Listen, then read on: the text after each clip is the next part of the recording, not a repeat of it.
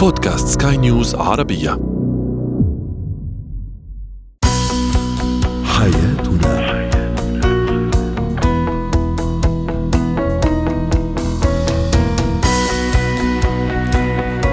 أهلا بكم معنا مستمعينا الكرام إلى برنامج حياتنا برنامجكم اليومي الذي يعنى بشؤون الأسرة وباقي الشؤون الحياتية الأخرى والذي يمكنكم الاستماع إليه عبر منصة سكاي نيوز عربيه dot com slash podcast وباقي منصات سكاي نيوز عربية.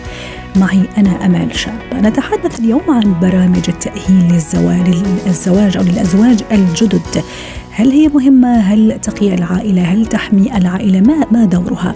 أيضا ماذا يعني عالم الرسم بالنسبة للطفل؟ وأخيرا إتيكيت التعامل مع الجنس اللطيف. هو وهي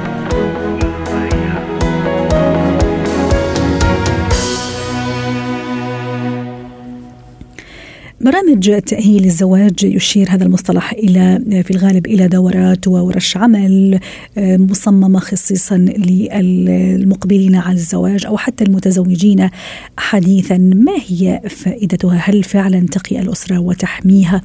الحديث عن هذا الموضوع تنضم إلينا عبر الهاتف من دبي لما الصفدين الاختصاصية الأسرية. سعد أوقاتك أستاذة لما. هل فعلا هذه الدورات والدورات التأهيلية وورش العمل فعلا تقي الأسرة وتحميها وتقي الزوجين شر الطلاق لا سمح الله مستقبلا؟ صحيح اللي اللي يحدث حاليا بانه هناك ما يسمى بتغيير النظم يعني في السابق كان دائما آه، ما قبل الزواج يتم آه، يعني وضع كاستشارة عائلية من قبل الأب الأم الجدة الاعمم لكلا الطرفين وإعطاء مجموعة من النصائح اللي هي النصائح العامة أو بناء على الخبرات الشخصية. الآن مع التطور والتغير ونمو اختصاصات جديدة أصبح هناك ما يسمى بورش مخصصة للأشخاص المقبلين على الزواج. لذلك يعني هي لي خلينا نقول هي فكرة محدثة ولكن أيضا هي تواكب التطور اللي نعيشه.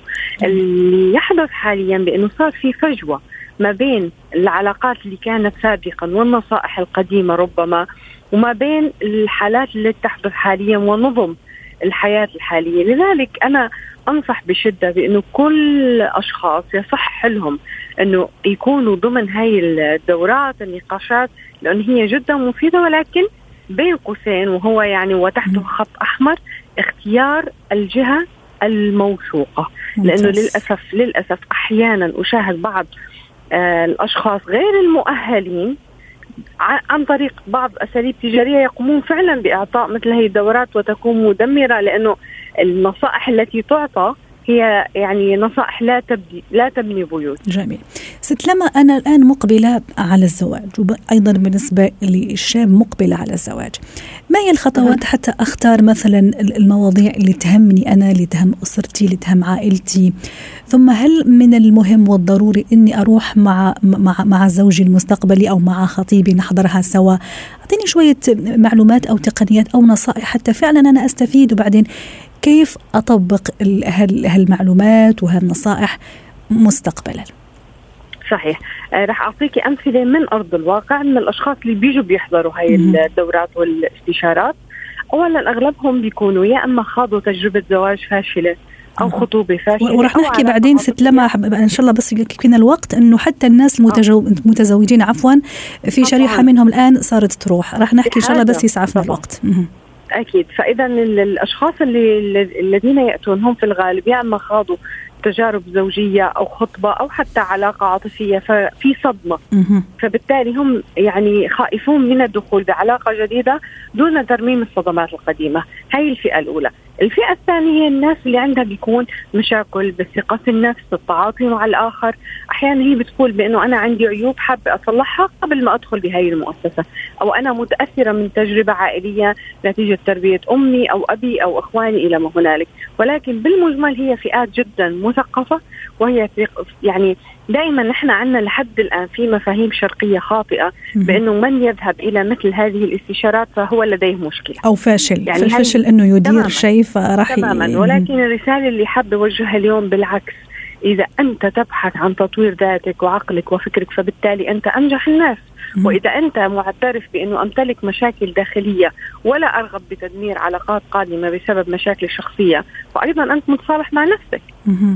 لكن أيضا في بعض الناس يقول لك الموضوع مش يعني مسطره وقلم. يعني العلاقات الزوجية هي علاقات يعني في النهاية إنسانية وما ينطبق على أمال مثلا وزوجها مش ما ينطبق على لما وزوجها مثلا.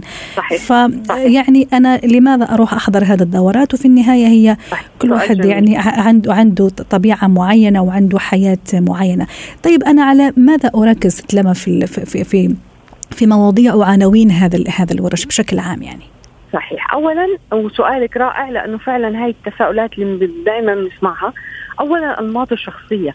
في أنماط عامة في الحياة يعني هي عبارة عن نمط A B C D. هاي الأنماط هي موجودة عند كل الأشخاص.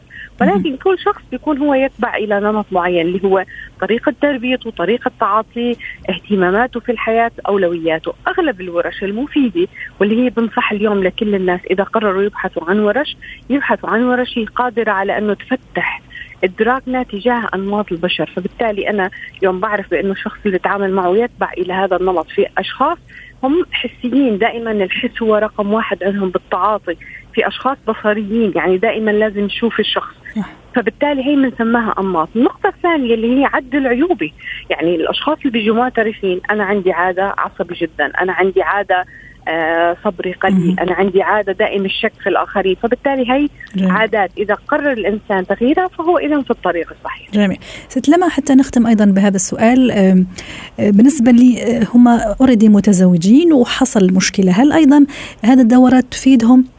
في معرفة مكمن طبعا. الخطأ وحتى إذا وقع الخطأ لا مانع أنه نرجع مرة أخرى ونصلحه. وهل أيضا ينصح دائما أنه يروح الكبل يعني الزوج والزوجة مش الزوجة لوحدها ممكن أحيانا تروح خفية عن الزوج تقول خليني أطبق الأشياء اللي عرفتها وأطبق أهو العكس صحيح. هل أيضا في النهاية ينصح أنه نروح مع بعض؟ لأنه نحن عارفين أنه في خطأ معين ونبحث سوا عن الخطأ حتى نصلحه سوا ونكمل سوا الحياة. أيضا بس هي ملاحظة هو يعني تنبيه من التجارب الواقعية. فقط حاولوا كونوا حذرين بالتعاطي مع الجهة اللي أنتم متوجهين لها يعني للأسف لو كانت مثلا في جهات في يعني في بعض مثلا خليني أعطيك أنمطة لورش سيئة أنا أعتبرها وسلبية كيف تكونين انت الأمرأة القوية المسيطرة المدمرة كيف مثلا يعني عرفتي هاي السلبية في التعاطي. فأحذروها. لأنه بالنهاية الحياة هي ليست عبارة أنه شخص يكون هو وحش صحيح مش حرب. هو مسيطر فبالتالي لا لا ابدا. صحيح. النقطة الثانية في المشاكل الزوجية تماما. مم. وجود مستشار جدا مهم. وجود دورات استشارية ممكن نلجأها. والسبب لأنه أنت لما بتتعاطي مع شخص حيادي فهذا الشخص ما عنده مشاعر تجاه الآخرين. هو بيتعاطى بعقلانية وبيشوف الموضوع من برا. تماما. واحد زائد واحد يساوي اثنين. صح. يعني الحمد لله لما بيكون مثلا عندي استشارات وثلاث قضايا أو أربع قضايا طلاق لغت فبالتالي في تأثير إيجابي على الآخرين. ومع أنه ممكن هدول نفس الأشخاص كانوا رايحين لعند عائلتهم والأقارب والأصدقاء. وأخيرا ست لما قدامنا عشر ثواني. هل يفضل انه نروح مع بعض؟ الكابل يروح مع بعض ياخذ بايده ويذهب هو يعني الكابل الزوج والزوجة. لا أنا دائما بنصح بأنه الشخص اللي هو حاسس حاله المتضرر الأكبر يروح أول مرة لوحده. لأنه هو محتاج بجلسه أو استشارة يخفف الطاقة السلبية اللي بيملكها يخفف التوتر ويخب ويخبر الطرف الثاني انه انه إنه رايح يخبر الطرف الثاني إنه عم ياخذ مثلا دورات تدريبية طبعًا. وتأهيلية. طبعا. في أشخاص حسب في أشخاص بفضلوا لا. أنا بعالج مشكلتي لوحدي جميل. والتغيير يشمل الجميع. في أشخاص لا بكل بساطة بيجوا اثنين مع بعضهم معترفين بخطأهم. شكرا لك أستاذة لما الصفدي سعدتينا اليوم وأفدتينا في الحقيقة بهذا الموضوع. شكرا لك كنت معنا من دبي. زينة الحياة.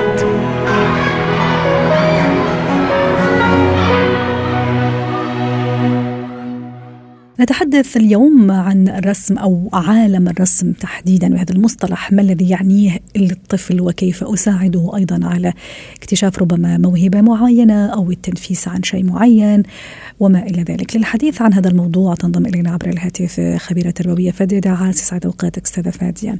أكيد كل الأطفال يعني عندهم عشق وحب يعني معظمهم حتى ما أعمم عندهم عشق وحب كبير للألوان للتلوين وللخربشة خليني أقول وما دام نحكي على خربشة يعني خربشة على جدران على كنبة على أغراض في البيت وهون يعني تكون الطمة الكبرى بالنسبة للأم لأنه عم يوسخ البيت ويعني أشياء كثيرة هي مطالبة أن تعملها بعد هذا الخربشات وهذه الألوان. ما الذي يعنيه عالم الرسم بالنسبة للطفل؟ هل هو تنفيذ هل هو تعبير معين في سن معينة؟ ما الذي يعنيه تحديدا لهذا الطفل؟ حبيبتي عالم الرسم تعبير أكيد عن الشخصيات وعن خياله. وأطفال كثير بيعالجوا نفسهم أصلا أو بيعالجوا مشكلات أو بيجاوبوا على ما في نفسهم عن طريق الرسم. ممكن يعبر ما بيقدر يعبر لغويا لكن بيعبر عن طريق الرسم. والألوان sorry أنا ما ما سلمت عليكم وقلت لكم الله يلون ألوانكم أيامكم كلها بألوان الفرح والخير إن شاء الله. والألوان كلهم. ويبدو انه عندك ما شاء الله أطفال عم إن شاء الله ما يكونوا يلونوا بس. عم نسمع أصواتهم. كانوا بيلونوا. إحنا فعلا هي workshop بيلونوا. إحنا كنا هلأ عم نعمل workshop ما شاء الله عليهم والإبداعات ما تتخيلي آه طبعا اللي هي علاج هي تشخيص وعلاج نفسي الرسم عبارة عن تشخيص وعلاج في نفس الوقت. وتنفيذ للطاقات المفروضة إذا كان الواحد إحنا الكبار لما نلبس أو نغير ألوان بتغير نفسيتنا. وكذلك الأطفال. الأطفال لما بده يرسم هذا كونه وعالمي بده يرسم ويلون هذا العالم بما يريد. فعشان الماما ما تتغلب زي ما قلتي بأساس البيت أو بالحائط ياما يخليه يعبر تعمل له كورنر أو زاوية. أو الله بيعينها تغطي بس سبحان الله حتى إذا تعملي له كورنر أو زاوية استاذه فاديه سبحان الله إلا ما بيلاقي هو ما عنده متعة معينة. إنه لازم يروح يخربش على على الجدار على زاوية معينة. هو المفروض مش مسموح له يعني إنه إنه إنه يخربش فيها بس الله يعين معلش طيب طيب استاذه فادي أيضا كيف أنا ممكن هي تكون لفترة معينة ممكن في عمر ثلاث سنوات أربع سنوات ثم سرعان ما خلص ممكن الطفل يهجر الألوان ويهجر التلوين والرسومات كيف أنا يعني أكتشف أو أحاول إني أعرف إذا ما فعلا هذه موهبة ولازم أنميها ولازم فعلا أطور هذا الحس الخيالي والإبداعي عند الطفل؟ إحنا لازم عادة أي موهبة فيها بدك على أساس يومي تحاول تخلي وقت لو قليل جدا ترجعي فيه انه ماما إيش حابب تعمل هلأ؟ إيش حابب حابب ترسم حابب كذا تخليها دائما عادة دائمه مستدامة. يعني ما تقطع اليوم وبعدين بعد فترة خلاص إذا حبيتي. إذا هو فعليا أو هي ميالة إلى الرسم حتلاقيها هي اللي بتطلب. حتى بتلاقيهم بيطلعوا برا. ما بدي مثلا الآيباد تخيلي إنهم يمسكوا آه، دفتر تلوين. كل طفل له طبعا له ميوله. لكن هي لازم تشجع وبالعكس تمدح الألوان أو صديقته في التلوين. بس طبعا مدح يعني بحكي إيجابي وليس آه فتخليه يعبر. لأنه اللي كلهم هم بيعرفوا الأطفال تماما في له قوة. يعني في ألوان في أطفال بس بيحبوا اللون الأصفر هذول المنطلقين بيحبوا الحياة وكذا. فهي بالعكس خليهم يعبروا. لأنه هذا بيربي عندهم الذائقه الفنية فيما بعد. يعني بيعرف كيف يرسم ألوانه وحياته حتى بيعرف يعبر. زي ما قلنا في بعض الأطفال لا يستطيع أن يعبر بالكلام لكن بيعبر بالرسم أو بيعبر بالألوان. فبالعكس هذا متنفس لازم تشجعوا عليه يوميا زي ما قلنا. خذ ارسم وممكن فعليا تلاقي تحلي مشاكل كثير. تعرفي أشياء هو مو قادر يقول لك إياها عن طريق رسمته. طب أستاذة فادي أحيانا أيضا الطفل زي ما تفضلتي مثلا يميل للون معين خلينا نقول مثلا أصفر أو أحمر دائما نركز على هذا اللون. هل في مثلا سبب معين؟ هل لازم أنا أنتبه لهالاشياء آه، مثلا يركز على رسمة معينة خلينا نقول مثلا آه، نافذة بيت شجرة. هل أيضا هذه من الأسباب اللي تخليني لازم أنا أنتبه لهذا الموضوع. أيضا قد يكون في إسقاط معين قد يكون حاب يوصل شيء معين أو يعني شعور معين حاب يوصله هذا الطفل. هلا الألوان لكل لون قوة في الكون. لكل لون قوة. الأحمر يمكن يكون هو دليل الغضب كما هو دليل المحبة. يعني لازم تميز الأم. آه إذا لون بالأخضر بيكون محب للكون محب للآخر. إذا حب الأصفر بيحب المرح وكذا. فلكل لون دلالة وقوة. فأكيد لازم تلاحظ إذا اختلف عنده شيء حيختلف عنده بالألوان وبالرسم. هلأ إنه يرسم عادة مثلا معلمته أو غريب أو كذا بحجم كبير فهو حاسس نفسه أنه مش قادر يعبر عن نفسه هذا وهذا الشيء كأنه مارد أو شيء كبير عليه. أحيانا الطفل يخلي كل الورقة أستاذة فادية ويروح يرسم في زاوية في كورنر صغير من الورقة مثلا. هذا طبيعي لأنه هو هذا عنده التآزر العضلي والبصري وكذا. يرسم بهاي الزاوية ويمكن إذا كانت هذه الرسمه بتعبر عنه انه هذا كون واسع جدا جدا جدا وأنا عندي هذه المساحه فقط. يعني أنت بتشجعي شوية شوية إنه نكبر لرسمه حلوة. وفي ناس بيكونوا من الدقة في أطفال دقيقين جدا جدا بحيث إنهم ممكن يعملوا رسمات هذه الصغيرة. هذه. بتمثل انه في شخصيته دقيقة فعليا. نعم. أو شك... الخجل. أو الخجل فجدا مم. نعالجها بطريقه بأخرى. شكرا لك فادية دعاس الخبيرة التربوية ضيفتنا من دبي اتكات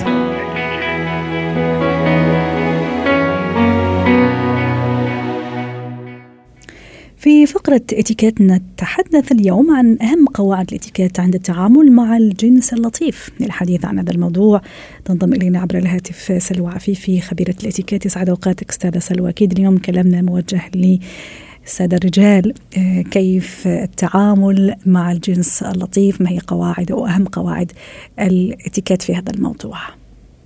يسعد أوقاتكم وسنة هجرية جديدة سعيدة عليكم يا علينا. وعليك يا آه، رب.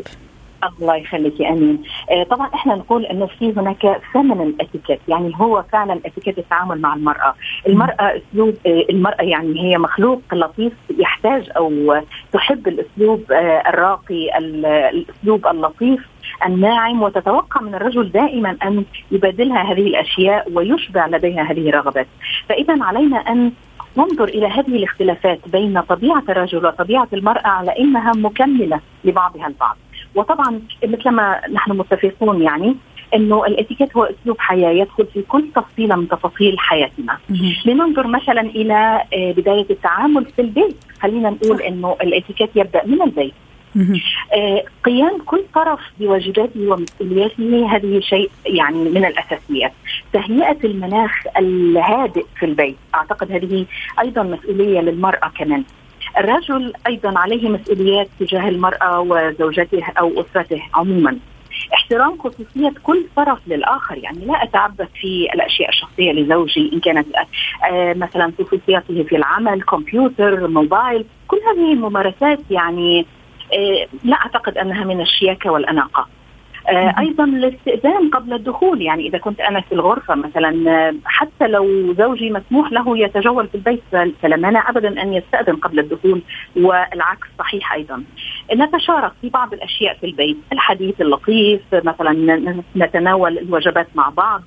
آه، أيضا المحافظة على المظهر الداخلي ال- أو الخارجي آه، أثناء تواجدنا في البيت لا أتجمل فقط حينما أخرج إلى خارج البيت تبادل الهدايا المناسبات اللطيفة آه، عدم سوء الظن والشك في الطرف الآخر خاصة أثناء الحديث أو مهم. عدم التربص لأن أرد بشكل هجومي مثلا على آه، زوجي هذا لا يخص داخل البيت باختصار يعني.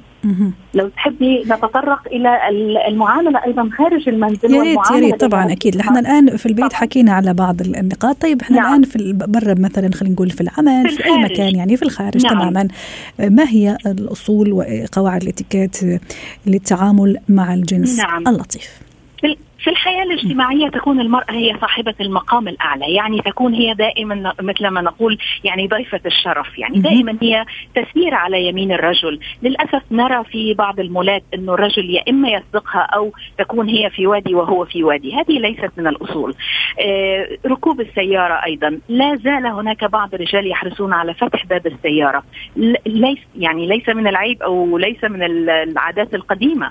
إذا كان مثلا آه، هناك سائق لا مانع أن يمنح الرجل المرأة مقعد الشرف وهو المقعد الأيمن خلفي الخلفي. آه أيضا مثلا آه، عند دخول المطاعم لا مانع أن يفتح الرجل الباب للمرأة ويقول لها تفضلي. آه يمد لها الكرسي أو يرفع لها الكرسي. يلبسها أو يساعدها في خلع المعطف مثلا إذا كانت ترتدي معطف. كل هذه الأشياء طبعا تكون من الأشياء اللطيفة. حمل الأكياس وحمل المشتريات. آه، أنا شخصيا أرى أنه التعاون هنا أيضا يعني واجب أيضا. ولكن لا يجب أن يحمل الرجل حقيبة المرأة ابدا تحت أي ظرف من الظروف. أيضا بالنسبة للعمل هنا في العمل يكون المقام الأعلى لصاحب الرتبة أو الدرجة الوظيفية الأعلى ومن هنا يمكن جاء اتيكيت المهني عندما نزلت المرأة إلى سوق العمل كيف أتعامل مع المرأة في العمل؟ هل أتعامل معها أعطيها الأولوية والسينيوريتي أو الأفضلية في كل التعاملات؟ لا. فهنا آه، يكون التعامل حسب الدرجة الوظيفية ومع احترام خصوصية كل جنس ويعني نراعي الآداب التي لا تخدش الحياء لا للرجل ولا للمرأة لا باللفظ ولا بالتلميح ولا بالإيماءات ولا بأي شيء. وهنا أود أن أقول أن المرأة أيضا هي كالطفله يعني إذا كنا يعني دائما نقول عامل الرجل كأنه طفل صغير أو طفل كبير. لا هي المرأة أيضا هي بداخلها طفل. تريد أن تتعامل بمودة بسكن برحمة بتسامح. بخلق جميل. كل هذه الأشياء تعزز الثقة وتحسن من المعاملات إذا صحيح. اتبعناها. صحيح. وأيضا هذا الحديث حتى نختم أستاذة سلوى يقودنا أيضا للحديث عن نبرة الصوت أيضا بالنسبة للرجل أكيد. بالنسبة أيضا للاتيكيت هذا الشيء شيء ضروري ليس كذلك. أكيد. نبرة الصوت هنا التحدث بهدوء مثلما نتحدث. آه رفع يعني شوفي إحنا كلانا مثلا ننغم في نغمة الصوت لا تكون الحديث على وتيرة واحدة آه لا نزايد على بعض بارتفاع الصوت خاصة في الأماكن العامة لا نناقش أمور هامة أو أمور كريتيكال يعني أو حيوية في أماكن عامة. آه ليس من اللياقة أبدا رفع صوت المرأة أو ولا حتى رجل يرفع صوته. فهنا آه، اختيار النبرة شيء مهم جدا لأنها تعطي انطباعات وتترك أثر. آه، بالعكس هو كيف أوصل المعلومة؟ كيف أختار؟ كلماتي. وهنا آه، أيضا ما نتعامل به في البيت مع أو بين الأزواج يعني ينطبع في ذاكرة الأبناء.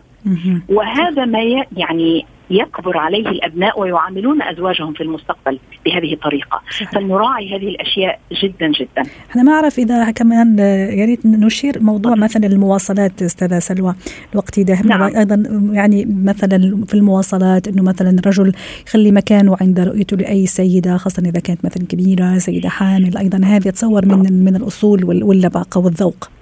أكيد هو من الأصول يعني طبعا إذا كان رجل أو شاب خلينا نقول شاب يجلس في المترو مثلا وجد امرأة حامل وجد امرأة تحمل أشياء تحمل طفل لا مانع ابدا أن يفسح المجال أن تجلس هي. ولكن أكيد الرجال يقولون يعني معقولة كل هذه الأعداد الملايين والآلاف التي تركب المترو في هذه الحالة سيكون كل السيدات آه، يعني آه، يجلسن وكل الرجال يكونوا مثلا واقفين. فهي حالات خاصة هنا دائما الاتيكيت يعني يعتمد على السنس الحس الحس. كيف يكون هناك في ذكاء صحيح. عاطفي أو ذكاء وجداني ذكاء اجتماعي. ونرجع في الشيء اللي بدينا فيه الحوار أستاذة سلوى حتى نختم أيضا إنه الاتيكيت فعلا يبدأ أو يبتدي من البيت. كيف أنا أعلم أولادي طبعا. من الصغر؟ كل هالاتيكيت في مجالات كثيرة. أسعدتيني كثير أستاذة سلوى عفيف اليوم بهذه المشاركة أتمنى لك نهاية أسبوع سعيدة. شكرا لك.